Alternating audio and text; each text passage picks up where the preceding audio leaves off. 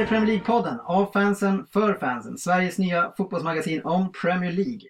Det här är vårt sjunde avsnitt och jag hälsar Andreas Könberg, som vi måste kalla Andy, välkommen. Tack! Kul att ha dig här. Tack! Det är kul att vara här. Sjunde avsnittet. Det går fort. Ja, det är helt sjukt. Jörgen, Ja, hur mår du då? Du verkar lite pömsig. jag är lite trött efter en hel dag på jobbet. Den här veckan har vi faktiskt börjat planera lite mer långsiktigt och eh, tagit fram en eh, hel höstplan. I och med att vi spelar in varje vecka så måste vi ju faktiskt börja titta lite framåt så att det inte blir panik de sista två, tre dagarna varje gång. Så vi har gjort upp en plan och kikat över vilka som är de bästa matcherna. Och även eh, kolla lite grann vad vi skulle kunna ha för specialteman. Och då efter det bjuda in eh, lite intressanta gäster. Vi kan säga att vi både har klart med kända och även mindre kända gäster för hösten. Bland annat en som har eh, cirka 70 landskamper i bagaget. Bara en sån sak. Ja, det är en, eh, en cliffhanger eller? Ja, jag tycker Okej. vi, vi släpper inte vem det är än. Vi håller det lite hemligt. Och Det eh, är vi... inte han som sitter i soffan idag. Nej. Det kommer säkert komma ut en tråd på Flashback om det. Ja. Det här är sanningen. Nej, men vi kommer att släppa våra gäster som blir klara vartefter på bloggen och även på Twitter. Eh, och gällande Twitter så är det ganska utvecklat nu och den är uppkopplad efter våran blogg. Så varje gång vi lägger ett inlägg på bloggen så kan du även se det på Twitter. Så lägg till oss på, på PL-podden med versala PLP så missar du ingenting från PremierLeaguepodden.se. Det sagt så hoppar vi in eh, direkt in i avsnittet idag eftersom vi har en ganska gedigen agenda och Andy är lite orolig för att det här ska ta 3-4 timmar. Mm. Det är alltid kul att komma hem och så man får sova lite när man ska jobba imorgon. Ja, vi har en gäst i studion idag igen och det är jätteroligt och välkomna Christopher Salway. Tack så mycket. Det är väl ett av uttalen på mitt efternamn. Okej, låter väldigt internationellt. Eh, Det är brittiskt eller engelsk. Min farsa är därifrån. Passande! Faktiskt. Härligt! Nu får vi verkligen bra info här. Ja, förhoppningsvis. Du är ju fotbollsspelare i Rosersberg, Mm. tidigare i Sigtuna jag förstår. Ja, Andy lockade över mig till Rushberg i somras. Sportchefen. Förr i tiden så skulle ju sånt här byte vara helt omöjligt att flytta mellan Sigtuna och Rosersberg, två rivalklubbar. Det var väl lite grann jag som startade den där.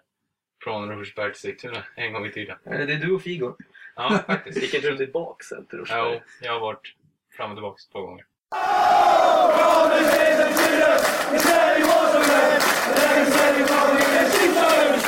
He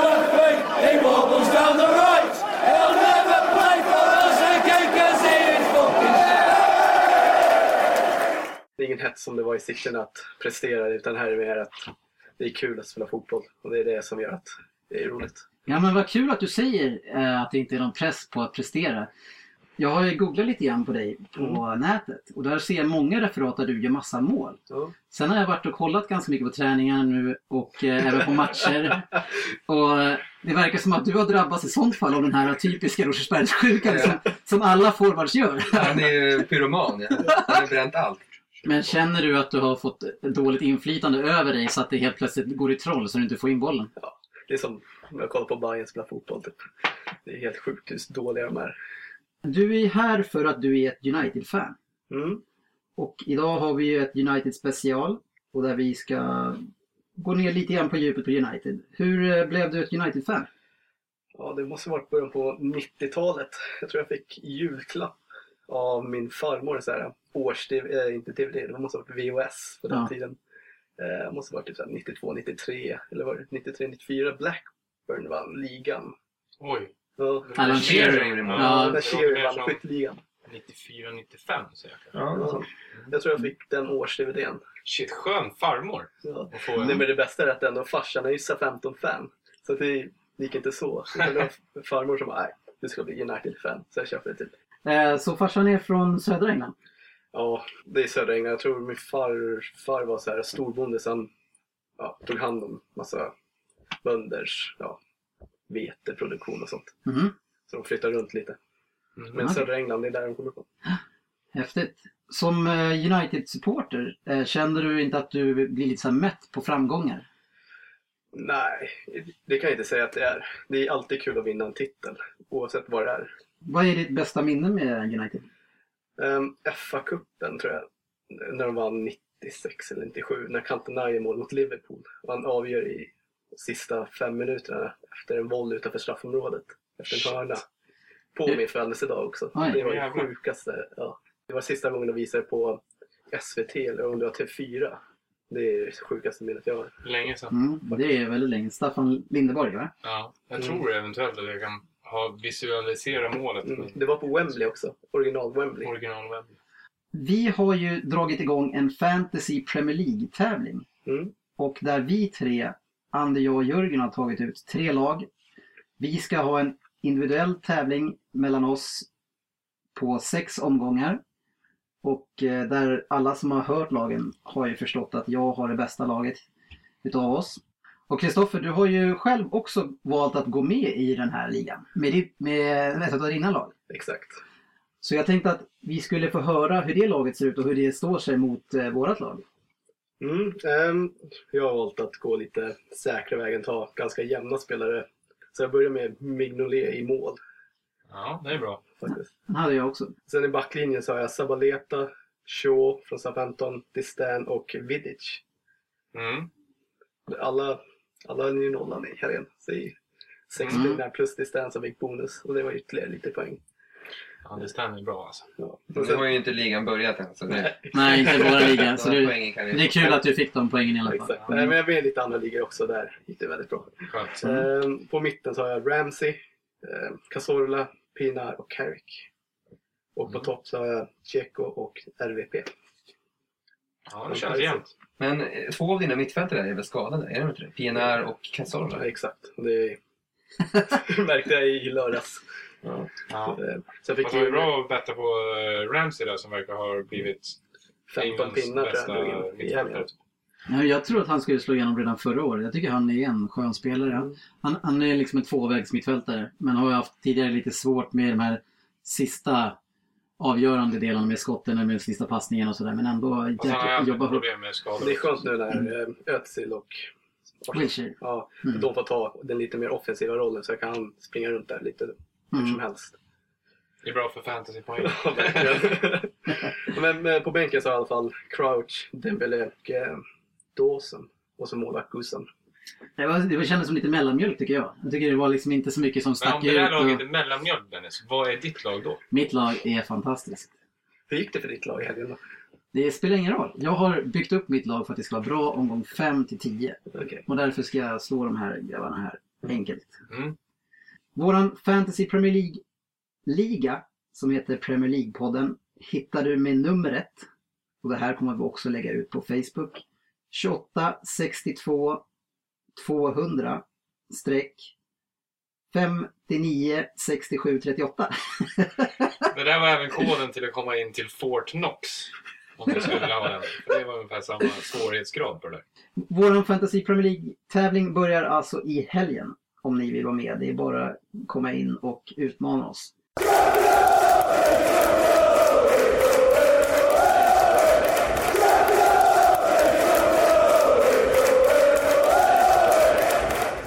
Om vi hoppar in på veckan som har varit då och de matcherna som vi har valt ut att eh, specialstudera lite grann. Så tänkte jag vi kan börja med matchen som eh, ligger extra varmt om hjärtat på herrarna som sitter här inne.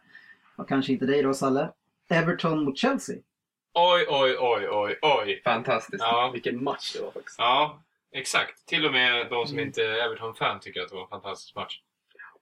Högt tempo. Mm, my, my, mycket, mycket- positiva Besked. Jag fick mycket besked. Ja. Ja. Framförallt den där Barry som jag liksom har jämfört med en, eh, en Viking Line-färja. Han, eh, har, Det var han inte när han eh, stoppade Tos eh, Nej, nej. helt öppna mål. han eh, liksom, det där är precis en Everton-spelare. Han ska inte... Han ska bara vinna bollen och springa runt och förstöra och göra lite enkla passningar. Precis som han gjorde. Det tog en kvart för han att komma igång och sen käkade han upp matta. Nej, det var... Vi kanske ska säga att matchen slutade 1-0 också. Ja, eh, precis. och, men det som är så roligt också tycker jag, det är att det är så många, det är så många Everton som vågar. Eh, Seamus Coleman, den där stjärnan i, i, på högerbacken, han eh, vågar liksom dra sin kille på kanten, göra någon skön fint. Ross Barkley gör någon skön tunnel och lite sköna vrickningar. kanske lite för mycket, men det, är- det är ju bara bra tycker jag. Det visar att han vågar. Hellre det än förra året när han inte vågade Mm. göra någonting. Gjorde mycket missar Eh, och, nej, och Mirallas utmanar mycket. Vi, eh, nej, det ser lovande ut som jag har sagt förut. Jag tycker att det var en väldigt turlig seger för Everton. Jag tyckte Chelsea ägde matchen och hade nästan alla chanser. Jag tycker däremot att Everton gjorde en bra match defensivt. Och eh, Barry och Jagielka var fantastiska och även Coleman spelade bra också. Men eh, framåt så tycker jag det var extremt uddlöst. Och forwarden Jelovic. var ju, han, han såg extremt klumpig Ja. ut och, och inget steg och inget liksom... Nej, han Ingenting. har aldrig... Han, har, han maskerar. Maskerar de där grejerna. Någon vi måste hylla också är ju Naismith som, som gör en kanonmatch alltså. Ja, som jag personligen har haft jättesvårt Ja, för. samma här. Jag, jag, och, och han är väl kanske, kan han vara 1,78 lång kanske? Vann Och vann alla, alla 90 Ja. Mm. Otrolig timing. Jag är lite Cahill över honom. Jag satt ju bredvid er när vi såg den här matchen och, och Naismith var väl den som fick mest eh, skäll utav er i första halvtimmen. Ja, första, Ja, in- in- kvarten första kvarten innan, kanske, ja. Framförallt innan matchen, att han ens eh, startar. Ja, jag fick några sms av dig. där. Fan, Naismith startar Ja. Men det är ju för att vi hade lite skador. Men han Ja. gjorde ju alltså eh, om möjligt sitt livs match. Mm. Men han värvades ju som en, en väldigt bra spelare från Glasgow Rangers. Men han har ju inte direkt rosat marknaden. Nej, Men nu var han jättebra. Ja jättebra. Jag tycker att han, han gjorde väl en slipmatch. Liksom. En, en Niklas Alexandersson-match. Jo, han, en liten, liten roll. Han hade nog en roll i den här matchen när Mm. de spelade. Så ja, han fick ut det som Martinez ville att han skulle. För det är ju Naismith, det är inte Eden Hazard. Nej, absolut inte. Nej, men jag tycker ändå att eh, framåt var ju Everton extremt uddlöst och Lukaku, han behövs verkligen Ja. för att det ska på allvar kunna bli lite tryck. Och, Han fick inte vara med så att... Nej, men det, jag tror att han kommer att bli, det kommer att bli väldigt bra. Mm. Och sen gällande Barkley som ni, som ni hyllar lite grann så jag tycker att han är en väldigt spännande spelare men som många unga spelare så har han en tendens att göra en grej för mycket hela tiden. Att han gör en bra grej och sen en till och sen måste, det, måste han släppa den eller komma till avslut men sen ska han göra en tredje kanske. En Fast jag- spelare för framtiden i alla fall, Ja. tycker jag. Jag tycker ändå att han, eh, när han väl gjorde de här grejerna så var det på, på offensiv, där man kunde, där man fick tappa bollen. Han tappade liksom inte bollen i de här fel, inte som Shelby. Jag kan eh, så han liksom ändå, det är där man ska försöka göra de här sköna grejerna. Ja. Han gjorde dem. Absolut, det, det det drivet som, som han har med bollen, Mm. det, det ser man inte hos allt för många i, i ligan. Nej, han ser inte så snabb men med boll så är han Han snabb. är Han sköna otroligt vrickningar. snabb med Mm. bollen. Driv. Ja, och verkar liksom upp med bröstet, upp med blicken så han har koll på vad som händer Ja, runt och han omkring är sig. stark i kroppen också, han smäller på. Mm. Nej, men det ska bli spännande att följa honom. Och så Mm. får han ju Tills kanske han går till din klubb och eh, sen får sitta på bänk. Ja, och min klubb i Manchester City som köper alla värdelösa Everton-spelare. Eller de är bra tills ni gör dem dåliga.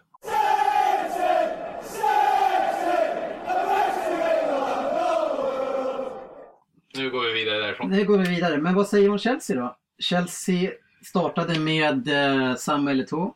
Han borde gjort hattrick efter en kvart kändes det som. Ja, det var mycket han hade chanser. ganska mycket bra chanser. Det känns som han sköt på allt också. Ja. Man kan, väl- jag, jag tycker att Chelsea kanske inte spelade ut Everton. Det var mer Evertons misstag som gjorde att Chelsea fick de här chanserna som de egentligen borde ha gjort mål på. Eh, som Hazard, han kom inte upp i... Jag tycker inte jag såg knappt honom. slut. Eh, det var inga liksom... eh, Everton spelade stabilt och Chelsea kom ingenstans med sitt spel. Jag tycker det var en, en jämn match. Ja, för vi måste ju spela sådär. Ja. Försöka förstöra det andra Mm. laget lite grann.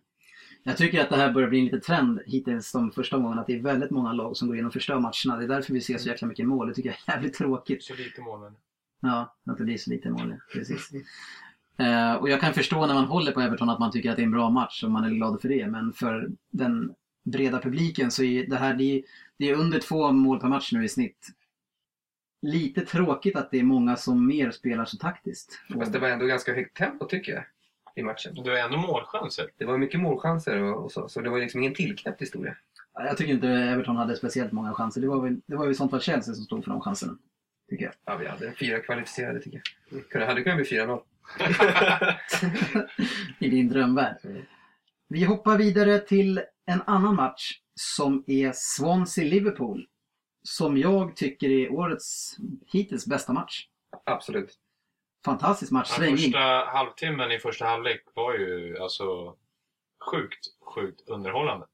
Från Ja. båda lagen. Jag tänkte Ja. säga sista halvtimmen. Nej, jag tycker hela matchen är fantastiskt svängig och man kan inte prata om den här matchen utan att börja prata om Shelby. Som kliver in mot sin gamla klubb, hänger en kasse efter en och en halv, två minuter, får säkert hybris och blir uppe i, vet inte hur han ska hantera det.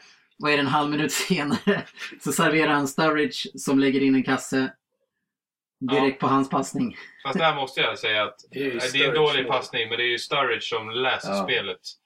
Eh, otroligt bra. Ja. Alltså det är ju en dålig hemåtpassning. Mm. Men eh, hade inte Sturridge läst spelet så hade han aldrig hunnit först på, på passningen. Jag tycker det är en, jag tycker det är en riktig tavla. Det är, så där får Ja, man men den andra passningen är ju 50 gånger värre, tycker jag. Ja, den är helt otrolig. Alltså, den ja. Vad är det han försöker? Och, Jag ska- även om Han ska slå passningen... en Gerard-passning Ja, som precis vad jag inte tänkte. han lyckas.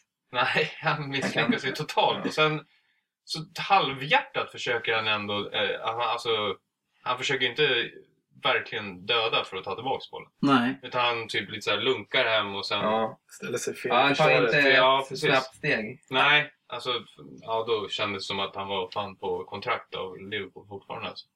Ja, nej, men sen eh, så hade Brian Laudrup tagit ett snack med honom i halvtid och han var helt förstörd tydligen. Och sagt att nu har du 45 minuter på dig, det är bara att gå ut och köra och försöka fixa det här nu. Så, och han kom ju igen i alla fall och assade till sista målet också. Mm. Mm. Så spela 1 plus 3. Stort sett i matchen. Ett mål och tre ass hade han. Ja, det hade han verkligen. Och det var verkligen en riktig ass. Det var ju liksom inga... En, en riktig plus minus-spelare. Mm. Lite som du Andy, innebandy. Skulle jag vilja säga. Mhm.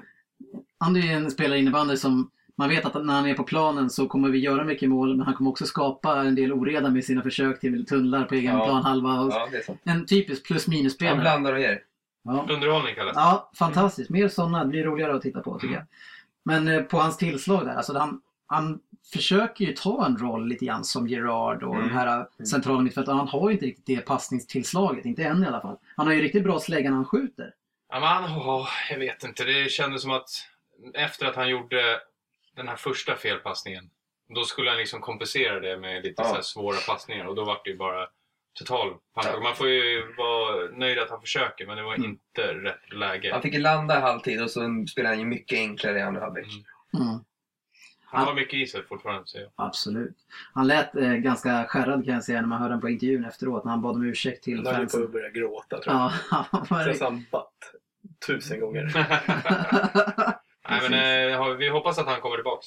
ja, Det känns som en, en kul spelare att följa. Det jag tycker var roligt med matchen, eftersom att jag är Everton-fan och, och hatar verkligen Liverpool, det är ju att sista 25 minuterna så är Swansea tio gånger bättre än Liverpool. Och Liverpool, Swansea kan anfalla i mitten, de kan anfalla på kanten, de kan slå långbollar, de kan, de kan anfalla hur de vill och de kommer upp. Och Swansea har knappt en chans att hålla i bollen. Liverpool med. Liverpool menar jag, har knappt en chans att hålla i bollen. Det, det, det var fantastiskt. Jag bara hoppades på ett 3-2 mål där. Men eh, nej, eh, tycker som Liverpool, det här är typiskt Liverpool. Men Eh, de- falla ihop sådär. De tappade ju allt spel när Coutinho gick av skadad. Mm. Det var helt sjukt att se. De hade ingen att spela upp på. Nej, men han, han känns ju som att han har blivit lite väl viktig kanske. Ja, både och eh, tycker jag. Jag tycker, jag tycker i par av de här matcherna så har inte han varit så framträdande. Men Liverpool har väl börjat alla matcher extremt bra, rörligt, Mm. bra självförtroende, har ett högt press mot målet. Och sen så fort man man har fått ledning, ja men då sjunker man ner och så känns det lite grann som gamla Liverpool. Mm. Som är lite skärrat.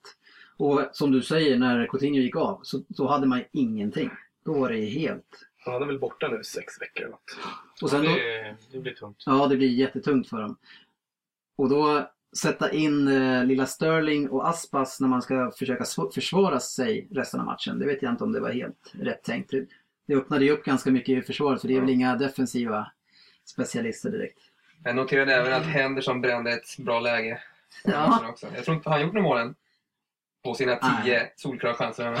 Nej, det tror jag inte. Men jag Det tycker, han, bara Sturridge jag tycker Henderson gör en, en bra insats i Liverpool nästan varje match. Han är en bra rollspelare för dem. Han tar jobbet. Han sliter ju faktiskt åt båda, Ja. båda hållen i fall. Ja, jag, jag tyckte han var en av de sämsta spelarna som de har värvat när han kom. Men jag tycker att han mer och mer kommer till sin rätt i Liverpool. Så jag tycker han, kör- han känns bra. Det är målen som räknas. Någon som jag tyckte var inte gjort någon succé var Wisdom. Ja. Högerbacken. Som eh, fick hoppa Det är in. ganska stor skillnad på honom och Grant Johnson. Sakos försvarsspel på första målet är horribelt. Ja, Ja, det är- Han gör han- tjurrusning på skottfinten, eller Ja, friskottsfinten, och sen är han helt borta. Jag tycker faktiskt inte att han är så jäkla bra. Han såg inte stabil ut. Nej, Tycker jag inte. jag tycker hans passningsspel lämnar mycket att önska. Jag tycker faktiskt tvärtom. Jag tycker han såg, förutom den där missen i början där, när han går på en, en skottfint som en junior, så resten så tycker jag han spelar bra. Han är stabil. Jag tycker han har bra passningsspel. Jättefina passningar. Nej. Vi såg Det inte samma match. Nej, Nej, jag, tycker, jag tror att han kommer bli en jättebra värvning för Liverpool och han kommer säkerligen peta Skertel sen när Agger är tillbaka. Så jag tror att det kommer bli de två. Och sen tror jag att man kommer ja, jobba lite grann med Kolo Touré och Skertel när det behövs lite sådär. Men jag tror att det kommer bli de två. jag tycker Touré är mycket, mycket bättre än vad Sakko är. Mm. Men nu är det inte du som bestämmer vem som ska spela. Nej, om du gjorde det var det så kanske Liverpool skulle göra det bättre till. Så det är kanske bra att det inte är jag som bestämmer. Men Coutinho är borta. Då får de ha ett litet glapp här på två veckor ungefär tills Suarez är tillbaka. För jag tror att det är två stycken ligamatcher han missar. Mm. Han är väl tillbaka mot United, ligacupen. Det ska bli skitkul. Ja, det låter härligt. United har väl aldrig i och för sig eh, prioriterat ligacupen. Nej, de brukar ju lufta juniorerna i den Ja. matchen. De har ju vunnit FA-cupen typ 20 gånger och ligacupen 4 eller något sånt där sen 1800-talet. Så Prioritering. ja, Mm. precis. Suarez kommer kunna ta över Coutinhos roll i Liverpool. Däremot så kanske det blir ett annat typ av spel. Då Suarez är inget passningsgeni direkt, eller han kanske är, men han vill ju inte gärna lämna ifrån sig bollen. Nej, jag tycker väl... Det finns ju ingen som har samma spelstil som Coutinho. Suarez är lite mer lik Sturridge i så fall. Det får ju gå. Så får det bli. Mm.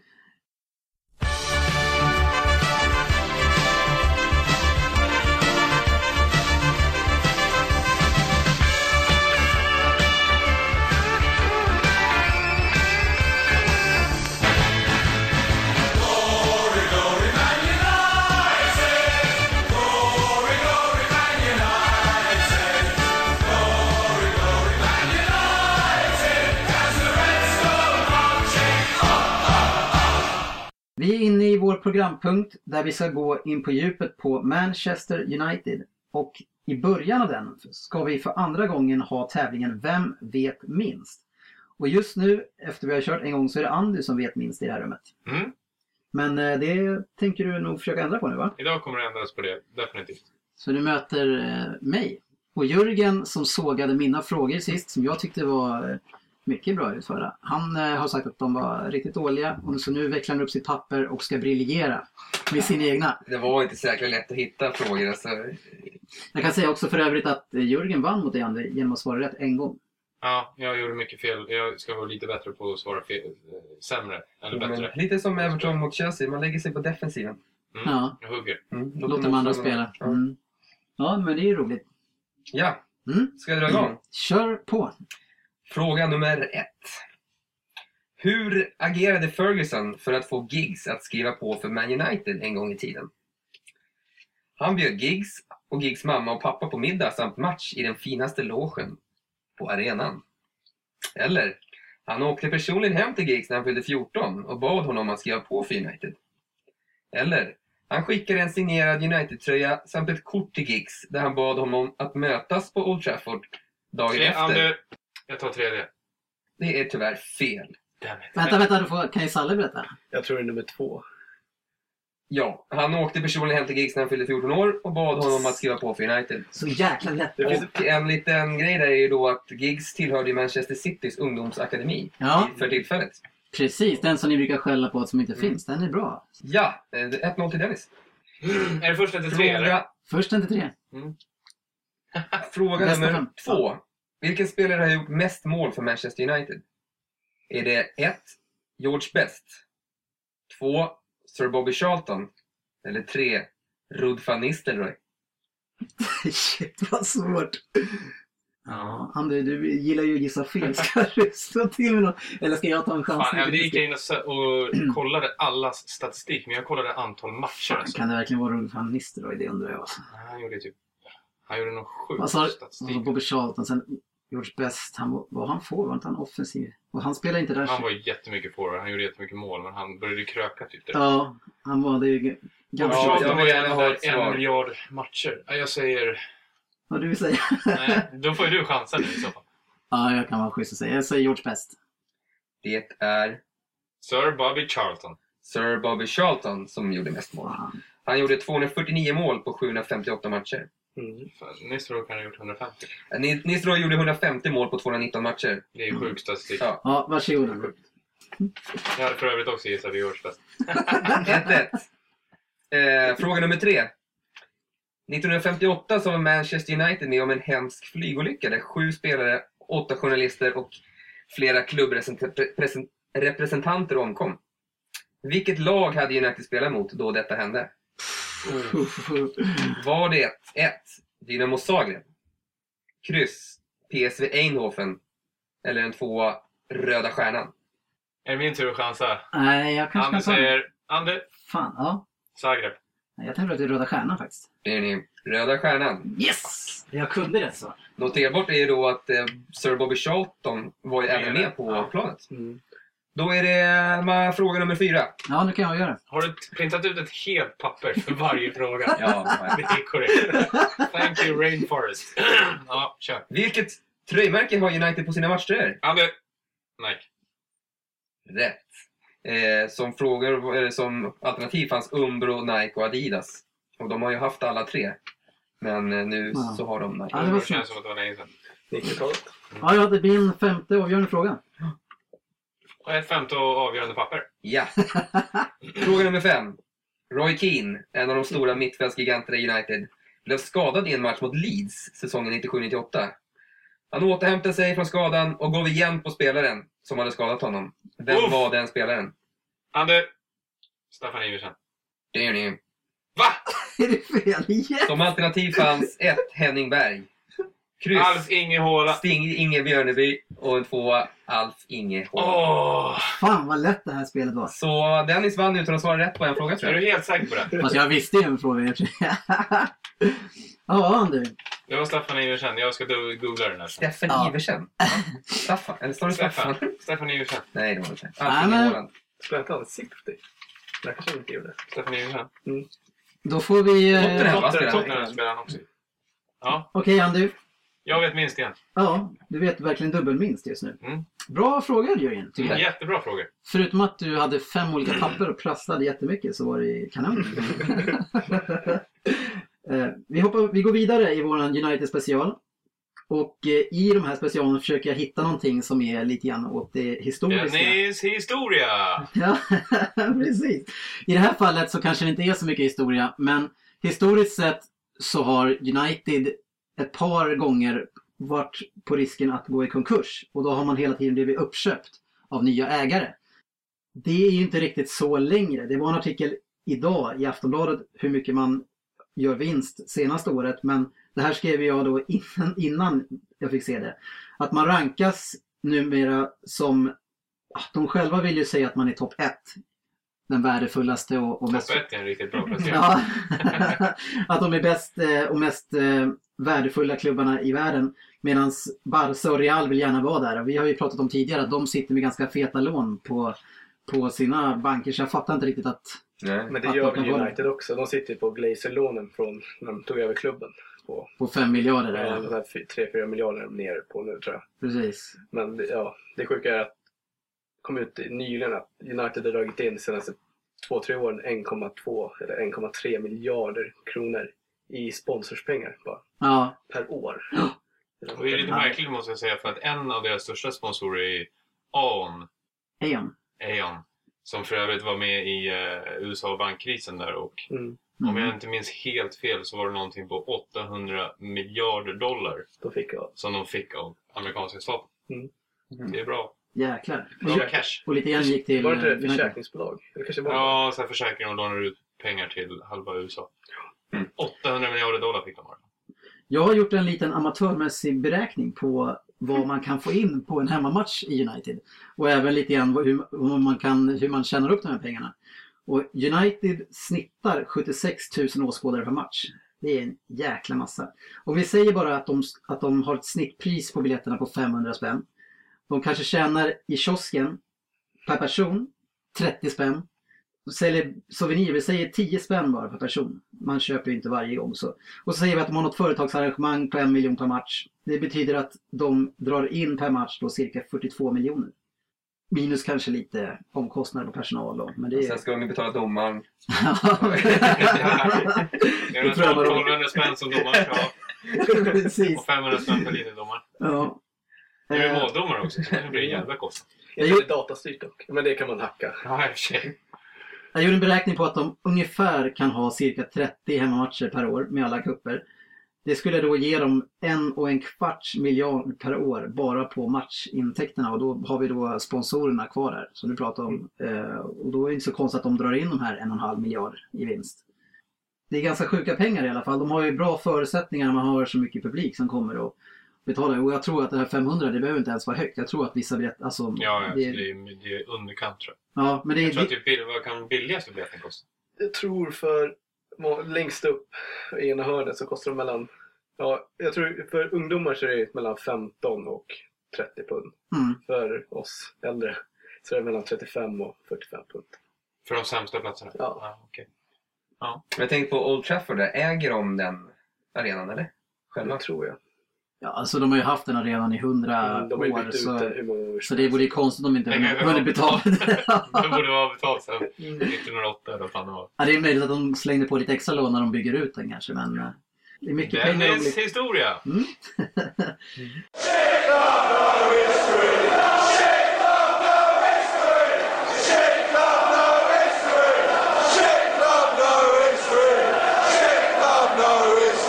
United då, eh, varför så framgångsrika?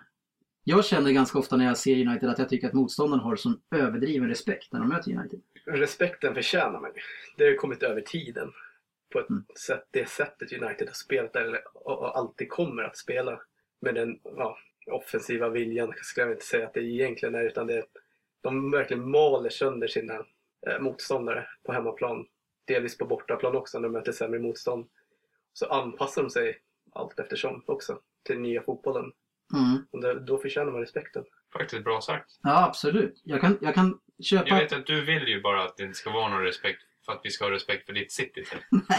Men kanske har om respekt 200 år för så kanske det city. Nej, precis. Nu håller vi oss till United här. Ja, Spelarmaterialet och det som man presterar på plan, det är ju en färskvara. Så Mm. bara för att man var bra i tio år och man har en lite sämre Det gäller ju att uppdatera sitt lag. Eller? Ja, Ja, Gör och även det. Men det, om, vi, om vi tar förra året som ett exempel så hade de mycket skador på backlinjen. Mm. Och backlinjen såg inte bra ut. Det var, vad heter han ena... Johnny Evans. Ja, som jag... Alltså han, Hans han, har, ansiktsuttryck han- är så bra. Han, så han har vuxit.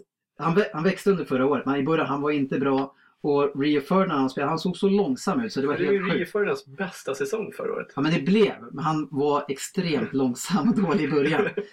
Och när andra lagen ser att de kanske inte är på topp, varför känns det inte som att de har mer självförtroende och försöka störa dem? De försöker väl, men det är... United släpper väl inte in de här skitmålen som vissa andra lag gör Nej. till slut. Ja, det görs ju sällan. Alltså, det är väldigt sällan man ser någon United-spelare göra ett misstag. Liksom. Mm. Och de målen som görs på Old Trafford eller ja, på hemmaplan mot United. Det är ju verkligen spelmål eller de måste göra något extra för att få in bollen. Mm. Och det är väl det som gör att United alltid kan gå framåt och Mm. alltid gör bra resultat. Det Även fast de som blir tillbakapressade. det känns som att de är så jävla säkra där bak. Så att, Mm. Det finns ju ett grundspel som har suttit nu i 26, Ja, men 27 år. Precis, där, där kan man ju jämföra lite med Barcelona liksom, som har en spel... Alltså, där kan du sätta in vilka spelare du vill och han Mm. anpassar sig till spelet. Det är samma sak i United. Du sätter in vilken du vill. För de har den här grunden liksom. Mm. Den De röda har, linjen. ja, Mm. eh, det, och andra lag har ju inte riktigt den.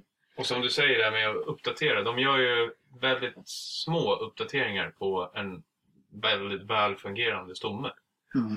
De Som, som andra lag, nej, som bara, vi som Tottenham nu som bara bytt ut och har ett helt nytt mittfält. Och det funkar ju. Det är ju sällan. United köper mer än två, tre spelare per säsong som går in i startelvan. Utan det är utvecklingsbara unga spelare för det mesta som kommer in i laget. Sen finns det självklart fixstjärnor som kommer in också. Det ska vi inte förneka. Nej. Det kommer någon. Det kommer, exakt. Ja.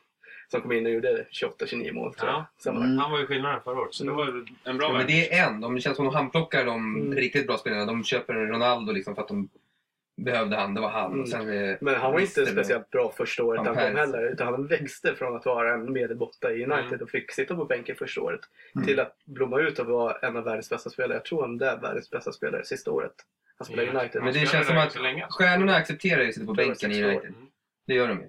Mm. Och väntar på sin chans liksom. Det var bara Berbatov lite som kanske varit lite trött, men det kan man förstå. För han Och är så nu bra har väl Rooney gnällt lite grann men alla vet sin plats. Om de inte får spela, visst. De får väl jobba hårt på träningarna så att de kommer in i laget igen. Mm. Men det är ju lite som du säger, de har ju inte... På, de som sitter på bänken är väl inte kanske riktigt så namnstarka som några andra lag har. Runt, runt om i världen, men de är fortfarande extremt bra fotbollsspelare som passar in i United. Det, Och de det, gör skitjobbet om de skulle sättas på en vänsterkant. Som Exakt. Ja. men det, det, jag kan, det jag kan gilla med United det är att United har inget problem med att inte vara spelförande i en match. Man Mm. kan, man kan anpassa sig efter hur matchen ser ut, hur bra det går för dem och bara gilla läget och följa med i den matchen. Medan ett annat offensivt lag kanske som Barcelona eller Bayern, de kanske skulle ha lite svårare för att acceptera det där. Och man kan spela lite grisig fotboll och plocka med Men det sig såg poäng. vi ju i förra årets Champions League till exempel mot Real. De lät ju Real vara spelförande. Så Mm. högg de på situationerna som kom. Och det var ju bara oflyt att de åkte ut tycker jag. Mm. Och sen när de väl Real till exempel mötte Borussia Dortmund och de åkte på två baklängesmål, då var det ju kaos. De kunde Mm. inte spela mot sån fotboll. Nej. Så de kunde spela ut dem. Och det är, jag tror United är väldigt bra på att möta och kan anpassa sitt spel mot lag som är bättre än dem. Och, det, och kan vinna sådana matcher. Och det ser man bara nu, för de har ju haft ändå världens typ bästa coach i 20 plus år. Mm. Men nu har de ändå en ny coach och de, alltså spelidén är ju kvar. Liksom. Mm. Det är bara, Det är bara, det det är, rullar på känns det det är det här Mm. kantspelet som, ja, det är, sign, det är Signum United. Det är ut på kanterna inlägg. Och mm. ibland så kör de en cross över backlinjen. Då kommer van Persie och dunkar den i ribban istället. Och sätta in den i helgen. Mm, men han är bra på att sätta dem. Han plockar ner dem. Ja. Rooney var ju fantastisk igår alltså.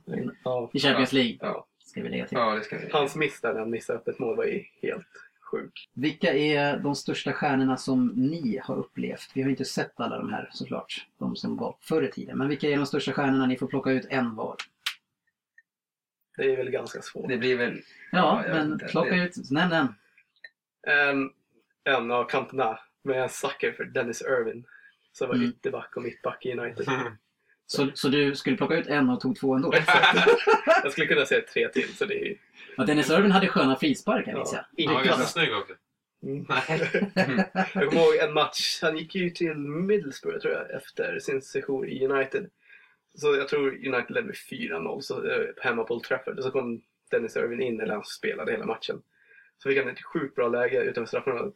Som jag tror Van der Sar tog, eh, tippade över ribban. När alla i publiken ställde sig upp och bara Åh nej, jag missade! Om det hade blivit mål, då hade alla jublat. Ja. Mm. Men han måste ju varit där i hundra år också. Ja, typ Irvin. 10-12 år. Ja, han var skön. Det var otippat. Du säger Dennis Irvin alltså. Han du? Den som jag kommer säga kanske inte är någon superfixstjärna, men jag säger Paul Scholes. Det skulle jag säga är en jättestjärna. Ja, fast han var inte sån här, alltså folk kanske inte typ gick till eh, Old Trafford för att kolla på vad Paul Scholes skulle göra för råsköna grejer. Men han var ju magnifik tyckte jag på sin Mm. position. Jag har Paul Scholes på min lista också. Som den bästa, absolut. Han är så extremt säker med bollen och hans... Om, om, om vi jämför dem med Shelbys försök som han gjorde mot Ja. Det hade aldrig hänt. Nej, men Nej. alltså fantastiskt tillslag. Ja, Och det är, det är de här vristpassningarna, ganska svåra liksom, passningar. ja. Sådana passningar har man försökt göra på träningarna i, i ganska många år. Matcher matcher också. Precis. Ja, Jörgen? Ja, skräll? ja, det finns ju många. Man vill gärna gå tillbaka i tiden oftast när man gör sånt här. Menar, men det är inte så kul att ta någon från tre år sedan. tror jag. Men, men eh, nej, jag, skulle nog ändå välja Beckham tror jag. Just, just för att han, eh, jag, jag gillar han som person. Han är en gentleman. Eh, ser bra ut. Ja, eh, ja, men och kämpar. Han ser bra ut och är bra. så Han gav ju allt alltså. Han, jag tycker han är fantastisk. det är ju den största stjärnan som har funnits inom fotboll va? Ja, fixstjärnan sådär. Ja, Utöver ja inte, inte kvalitetsmässigt Nej, nej. men eh, han var ju ändå uppe bland de bästa också. Men Ja, måste han var vara mycket mer än bara en hög fot. Och det kanske var därför han fick sticka därifrån sen också, för att det blev lite för mycket. Ja, Mm. kanske lite som Ronaldo också. Då, Men ja, Ronaldo var väl inte lika mycket som Beckham tror jag. Beckham tog ju väl väldigt mycket utrymme. Ja, han var ju liksom, det var ju, han var ju hela United. Det var ju väldigt mycket på sidan om. Det enda jag har sett från Ronaldo det är typ när han har på semester på sommaren. Han visar någon skön... heter Rut, rut, Ja, rutmage liksom. Man ser några topless-bilder på honom. Men han sa väl redan innan, eller när han kom till United, att han skulle vilja spela i Real och det var väl förståeligt att han gick dit. När det väl kom så var det, ja, få accepterat i blev så. Vad är det med där? United och Real? Har de någon sorts samarbete? Eller? Eh, det Nistelrooy har gått dit. Det gick till, Beckham. ja, det gick väl till, det går ju nästan tillbaks till, um, vad heter det, den här kraschen, München-kraschen. Jag tror att Real ville låna ut spelare till United efter kraschen så att de skulle överleva. Men Mhm. United tackade nej och tog in juniorspelare istället.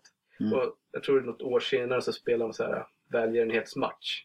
Och så sen har det bara gått vidare. Jag tror Oj. det är nog inget hat mellan klubbarna så. Utan det är ganska bra.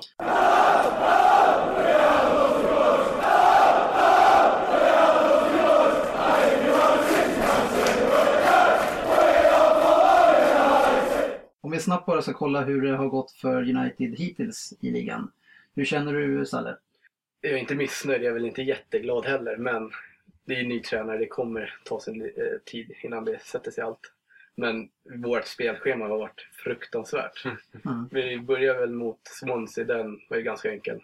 Och sen hade vi Chelsea, sen Liverpool eller om det var Cardiff emellan. Och sen senast Cardiff och nu har vi City i helgen. Ja. Det är helt... Det, det Mm. måste varit uppgjort från redan innan. De ville sätta honom på prov direkt. typ.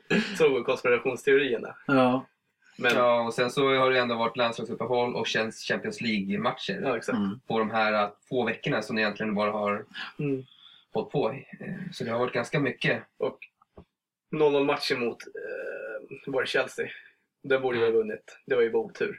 Och matchen mot Liverpool.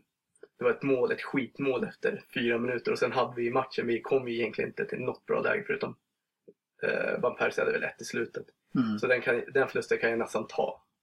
Men jag tycker ändå att det borde nästan blivit avgjort i den matchen också. Så att vi har egentligen helt, ja, det, jag är nöjd med, Mm. Starten, Ja, med tanke på schemat. ja, exakt. Mm. Och det skulle ju sitta perfekt om vi vinner i helgen också. Ja, det förstår jag.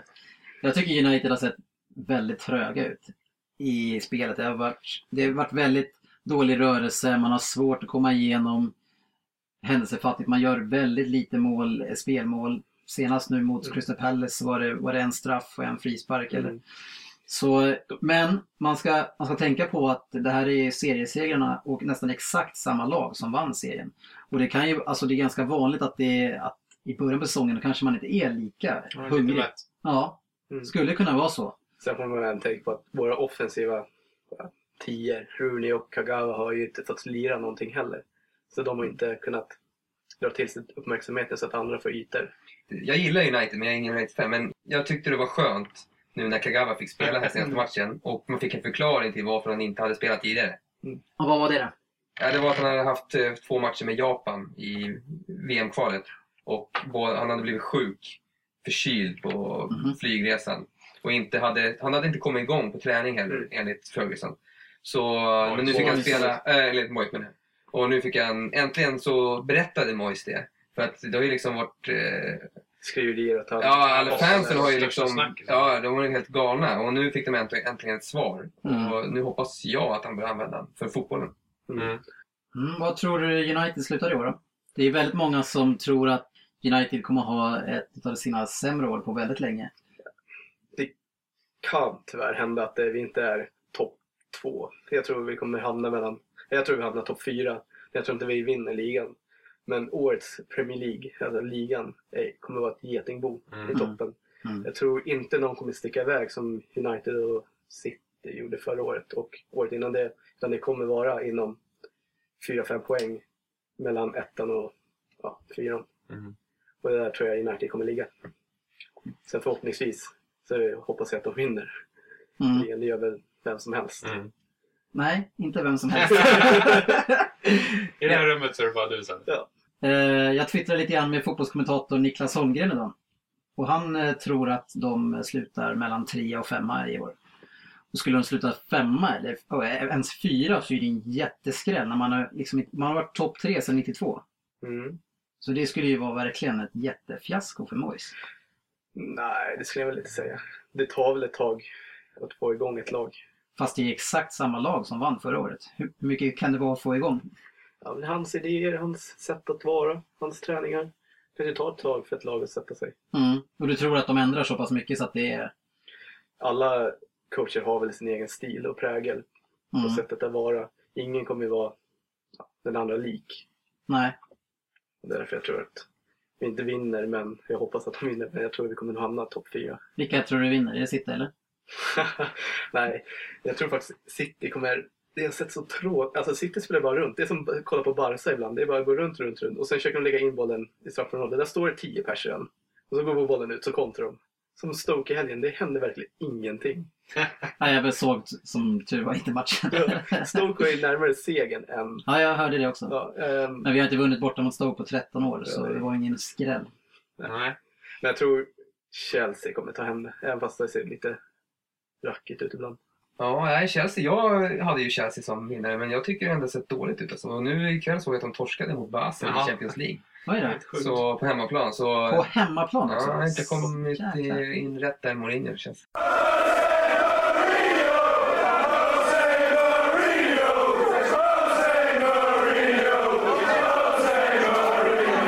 Nej, men vi hoppar ju vidare eftersom vi, vi snuddar lite grann på Manchester City United och de möts ju på söndag. En eh, fantastisk match och eh, det har varit eh, rätt svajigt de senaste fyra mötena. Eller Mm. egentligen ända sedan eh, Svennis började och tog över City när jag började följa klubben så eh, har ju City på allvar börjat utmana. Och eh, Svennis vann ju båda mötena det året.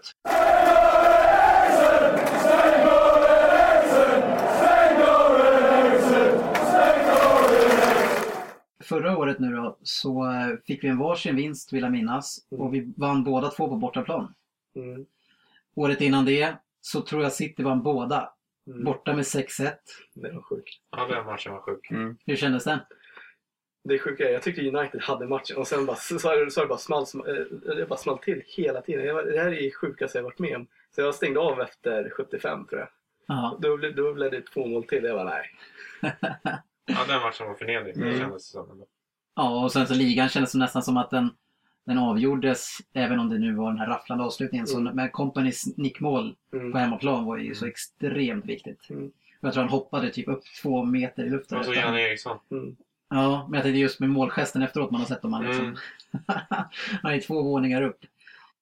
Ja, Det- nej, så det, det känns lite ovisst eh, tycker jag. City som du säger har börjat bedrövligt. Mm. Tänker inte sitta här och försöka försvara Men de har fortfarande lika många poäng som United. Ja, men vi ska... Citys... program också. Ja, nu gick det extremt bra för City igår.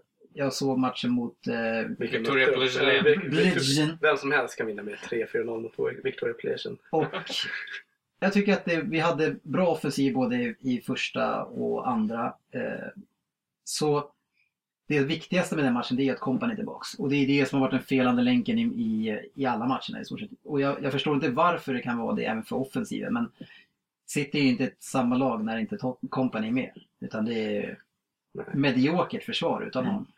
Jag tycker City saknar en städgumma på mitten. Ja, precis. Varför sålde ni eller lånade ut Barry? Jag förstår inte det. Jag har velat sälja Barry i över två år för att vi ska ersätta han med någon som har lite mer speed. Som, som kan vara en tvåvägsmittfältare, kanske lite mer som Kedira eller som Schweinsteiger. Alltså, Mm. ska City vara så bra som ägaren säger att de vill vara och, och vinna all, eller utmana dem att vinna alla turneringar. Och då kan man inte köpa eh, de här ukrainska mellanstjärnorna liksom. Kan du? Ja, Men du säger att de här, alltså ni saknar någon med speed. Alltså, Gareth Barry är ju lång, inte jättesnabb. Nej, han är ju väldigt långsam. Men alltså varken Kedira eller Schweinsteiger är några löpfenomen. Alltså. Nej, men... Den städgumman där bak, då är kanske det är Torero som kan ta bollen i Mm. 400 km i timmen och, och springa upp.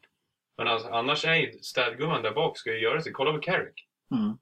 Han är ju den ultimata städgubben. Och han Absolut. gör inte många löpsteg. Alltså. Nej, men de, om de behöver Det gäller bara att springa... stå rätt. Jo, men om de behöver springa... Alltså Barry är, som, som Jörgen sa, blev utsedd till VMs långsammaste spelare. Liksom. Mm. Han är extremt långsam. Så blir det en situation där det är större ytor, ja, då, är, då kan inte Barry göra någonting. Men har du Nej. sett en match mellan United och City? Kanske ja, förra året. Jag tyckte inte det var speciellt mycket fart i de matcherna. Nej.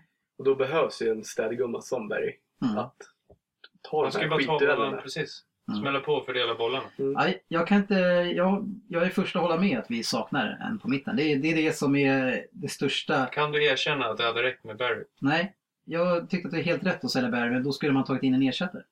Vi, jag såg Barry i Champions League och de här stora matcherna. Han blev totalt söndersprungen.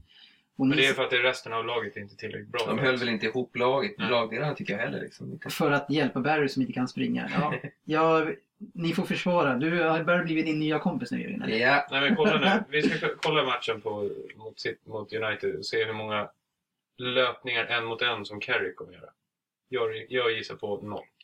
Vi får väl se. Men eh, Company, eller Barry kommer att passa jättebra in i Everton som bara backar hem och försöker nicka in något fult mål och sen så bara Tar förstöra vi en det. fjärde plats i Champions League. Aldrig i livet. Nej, men Company i alla fall tillbaka. Eh, och sen det är han och Jaja som är liksom stommen som, som måste fungera bra.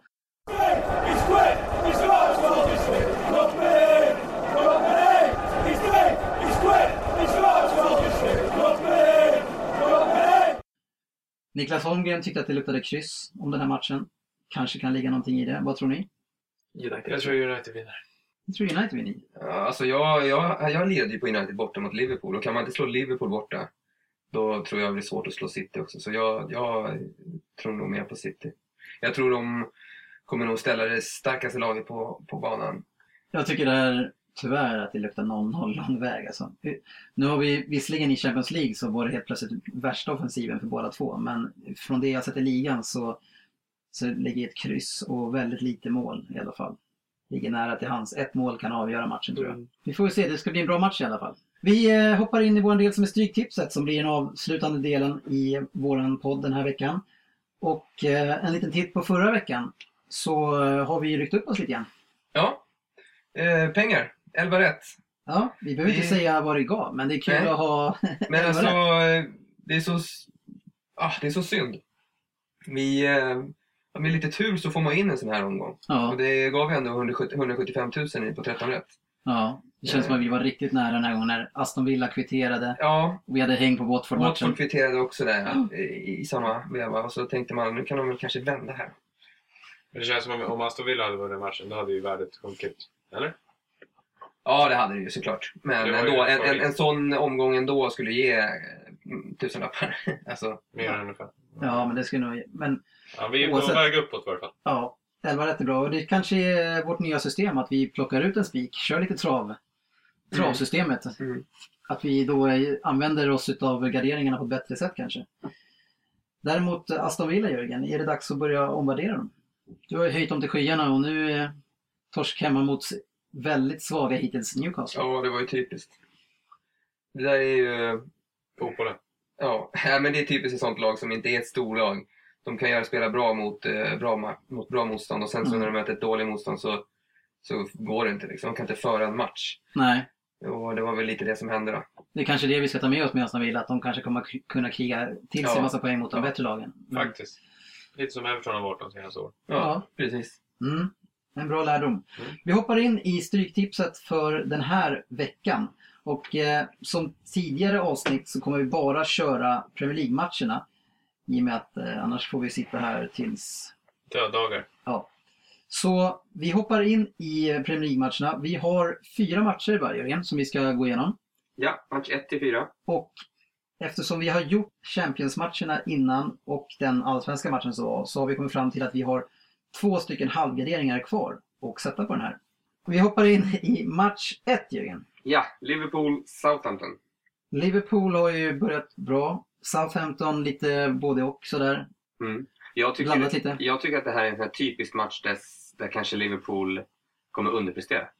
Jag kände exakt samma sak, att nu är det dags för dem att börja Southampton hade ju lite otur i helgen. Eller var det i måndags lirade? mot West Ham. Ja, de kunde ha vunnit den med 2-3-0. Det var ju bara Jeskelainen som storspelade i målet. Ja, så jäkla bra var de inte tycker jag. De, det var en ganska blek match, men eh, Men ja, tänker man nu att eh, Coutinho är borta också ja. och kanske Agger jag vet inte, även fast Ja. inte han är så bra. Men Och Aspas som kommer in då har inte rosat marknaden. nej.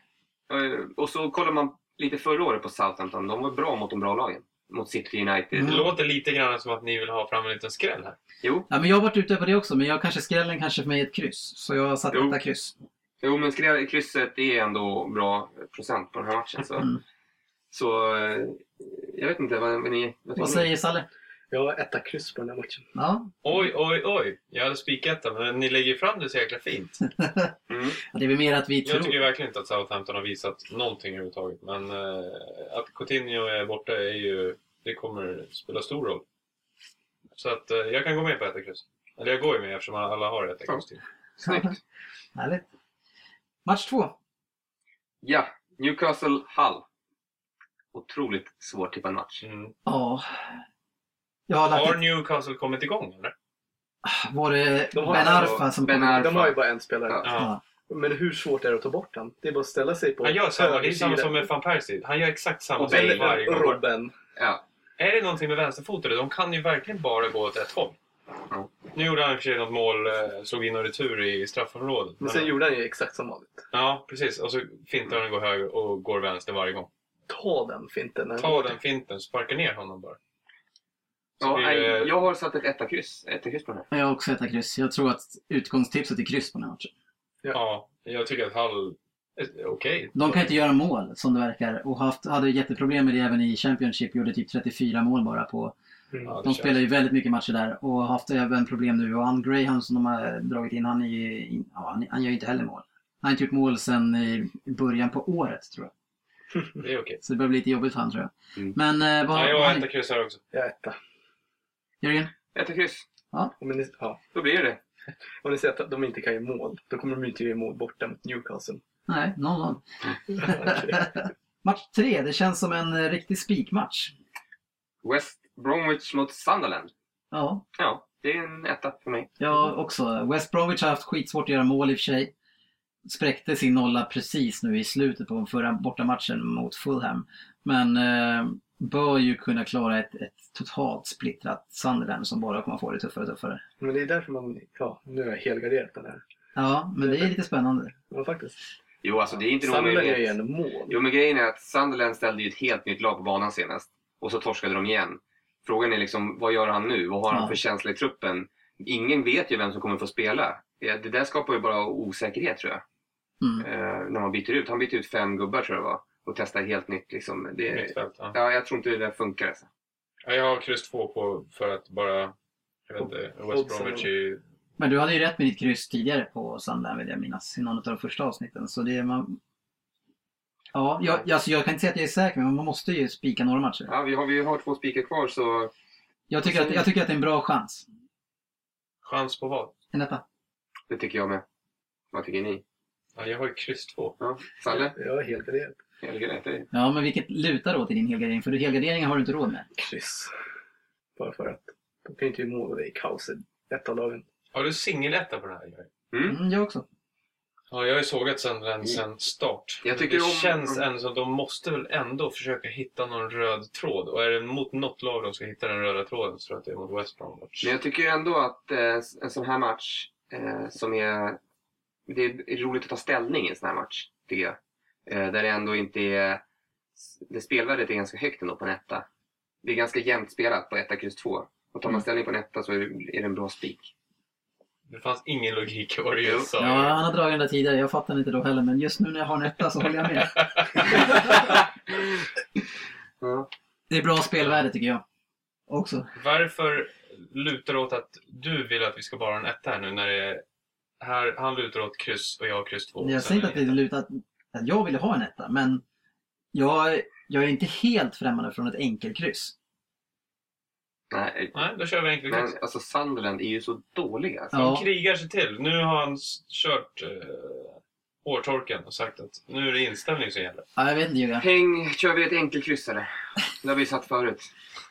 Ja, Har vi det eller? okej. Match fyra har vi en riktig skräpmatch. West Ham mot Everton. Eh, Jag har dunder två på den. Ja, jag har också en dunder tvåa. Joe Ja. Cole skadad i West Ham. Ja, för han är ju riktigt jävla viktig. Men de, West Ham har ju ingenting alltså. De var ju fruktansvärt dåliga i måndags också. Jag fattar inte, hur får de sina poäng? Du hyllade West Ham i början. Alltså West Ham är stora, starka och stabila och kommer plocka sina poäng, absolut. Frågan är om de kan göra det mot Everton. Jag tror att de kan få med sig ett kryss. i Jo, det, matchen. jag tror också de kan få det, men skulle man liksom se till hur de har spelat så skulle det vara Everton West, West Det är ändå Ham, Lukakus då är det ju första en- match. Från... jätteetta. Men ja, och Lukaku får spela. Ja, det tror jag kan vara... Ja, jag, jag kan ge mig. Jag har ett kryss 2 i den här matchen. Jag har kryss två. Men jag, kan, jag tror ju mer på att Everton vinner att det blir, än att det blir kryss. Ja, alltså, de, de måste vinna den matchen bara. jag skiter i vad de måste göra. De vinner den matchen. Då har vi en två på Everton. Ja, Skönt att jag fick avgöra två sista matcherna. ja, det känns som att det här kan bli den sämsta raden någonsin. Eller så blir det 13-1 och vi drar till eh, någon skön match i England. ja. Okej Jörgen, dra hela raden. Ja. Match 1, Liverpool-Southampton. Etta kryss. Match 2, Newcastle-Hull. Etta kryss. Match 3, West Bromwich-Sunderland. Enkelkryss. Match 4, West Ham-Everton. En 2. Match 5, Blackpool-Leicester. Helgarderat. 1, kryss 2. Match 6, Doncaster-Nottingham. Kryss 2. Match 7, Leeds-Burnley. 1-2. Match 8, Middlesbrough-Bournemouth, en etta. Match 9, Birmingham-Sheffield Wednesday, ett singelkryss. Match 10, Blackburns-Huddersfield, 1-2. Match 11, Brighton-Bolton, en etta. Match 12, Derby-Reading, etta 2. Och match 13, Kalmar FF-Gävle, ett kryss 2. Det var veckans program. Och dags att ta kväll. Klockan är 20 över 11, helt sanslöst. Jag Mm. trodde att jag skulle vara hemma nu. Ni vet att ni som vanligt kan följa oss på Facebook. Gå in och gilla oss på facebook.com League-podden. Ni kan även följa oss på hemsidan där vi bloggar och allt som vi bloggar om hamnar inte på Facebook. Så gå in på premierleaguepodden.se och så finns vi numera på riktigt på Twitter. Och det är stort P, litet L, stort P och sen Odden. PL-podden. För man fick inte plats att skriva Premier League-podden. Jag har en liten rättelse från förra veckan. Ja, det var en arg eh, travjournalist eh, från guiden som ringde och eh, meddelade att det var ju inte Legolas som låg gräv, nedgrävd på vinnarcirkeln på Rättvik utan det var ju Ego Boy. Och eh, det har han ju helt rätt i. Eh, det var ju lite innan min tid men jag vet ju att det var någon som låg där. Så, Drog till med någon häst på det. så Ja. eh, nej, Ja, rätt, rättelse. rätt ska vara rätt. Mm. Men eh, tack för ikväll då. Tack Salle för att du Tack kom så mycket. och... Ja, tack så jättemycket. Mm. Jättekul att du var här. Tack för ikväll. Så hörs vi i nästa avsnitt nästa vecka. tackar. Tack, tack. Hej!